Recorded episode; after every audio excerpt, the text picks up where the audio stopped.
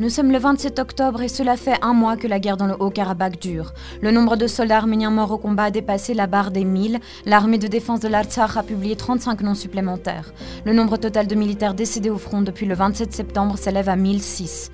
Le lieutenant général de l'Artsakh, Jalal Haroutunian, a été relevé de ses fonctions de ministre de la Défense de la République d'Artsakh, commandant de l'armée de défense. La raison en est que Jalal Haroutunian a été blessé durant les combats. Il sera remplacé par le général de division Mikhail Arzoumanian. Le 26 octobre au soir, pendant un direct sur sa page Facebook, le Premier ministre d'Arménie Nicole Pachinian a pressé les hommes de continuer à se porter volontaires, puisque le cessez-le-feu négocié le 25 octobre à Washington n'a pas été respecté. Il a ajouté que l'Arménie était prête à des compromis, y compris douloureux, mais qu'elle n'était pas prête à la capitulation. Mais il est évident, dit-il, que l'Azerbaïdjan n'est pas dans le même état d'esprit et que la seule chose que souhaite son président Ilham Aliyev est la capitulation de l'Artsar. L'épouse du premier ministre arménien Anna Hakopian a commencé les exercices militaires dès aujourd'hui. Elle fait partie d'un détachement de 13 femmes. Dans quelques jours, nous partirons défendre les frontières de notre patrie. Nous n'avons ni la patrie ni notre dignité à céder à l'ennemi, a écrit Anna Hakopian sur sa page Facebook. Le fils d'Anna Hakopian et de Nicole Pachinian Ashot Pachinian, âgé de 20 ans, s'était déjà porté volontaire il y a quelques semaines et se trouverait actuellement au front.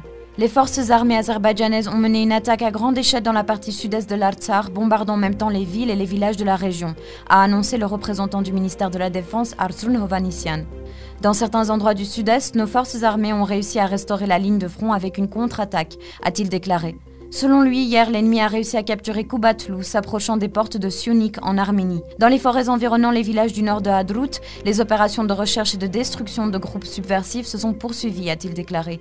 Toujours selon leurs représentants, certains groupes ont laissé leurs voitures et se sont enfuis, mais les combats se poursuivent dans plusieurs villages, à savoir Sheher, Jivan, Azor. Deux drones en provenance de l'Azerbaïdjan ont été neutralisés et endommagés par les forces arméniennes, c'est ce qu'a rapporté le porte-parole du président de la République d'Artsar, Vahram la situation était relativement stable dans la zone de conflit selon l'armée de défense de la République d'Artsar. Les combats se sont pourtant poursuivis dans certaines parties de la région. L'adversaire a continué à bombarder les zones résidentielles, en particulier la ville de Martuni, Martakert et les villages de la région d'Askeran ont été visés. La frontière sud de l'Arménie a été l'objet de tirs azerbaïdjanais. Selon la porte-parole du ministère de la Défense Shushan Stepanian, l'Azerbaïdjan a bombardé le poste de contrôle frontalier arménien avec des drones et des missiles à la frontière sud avec l'Arménie. Annie Paitian pour CivilNet.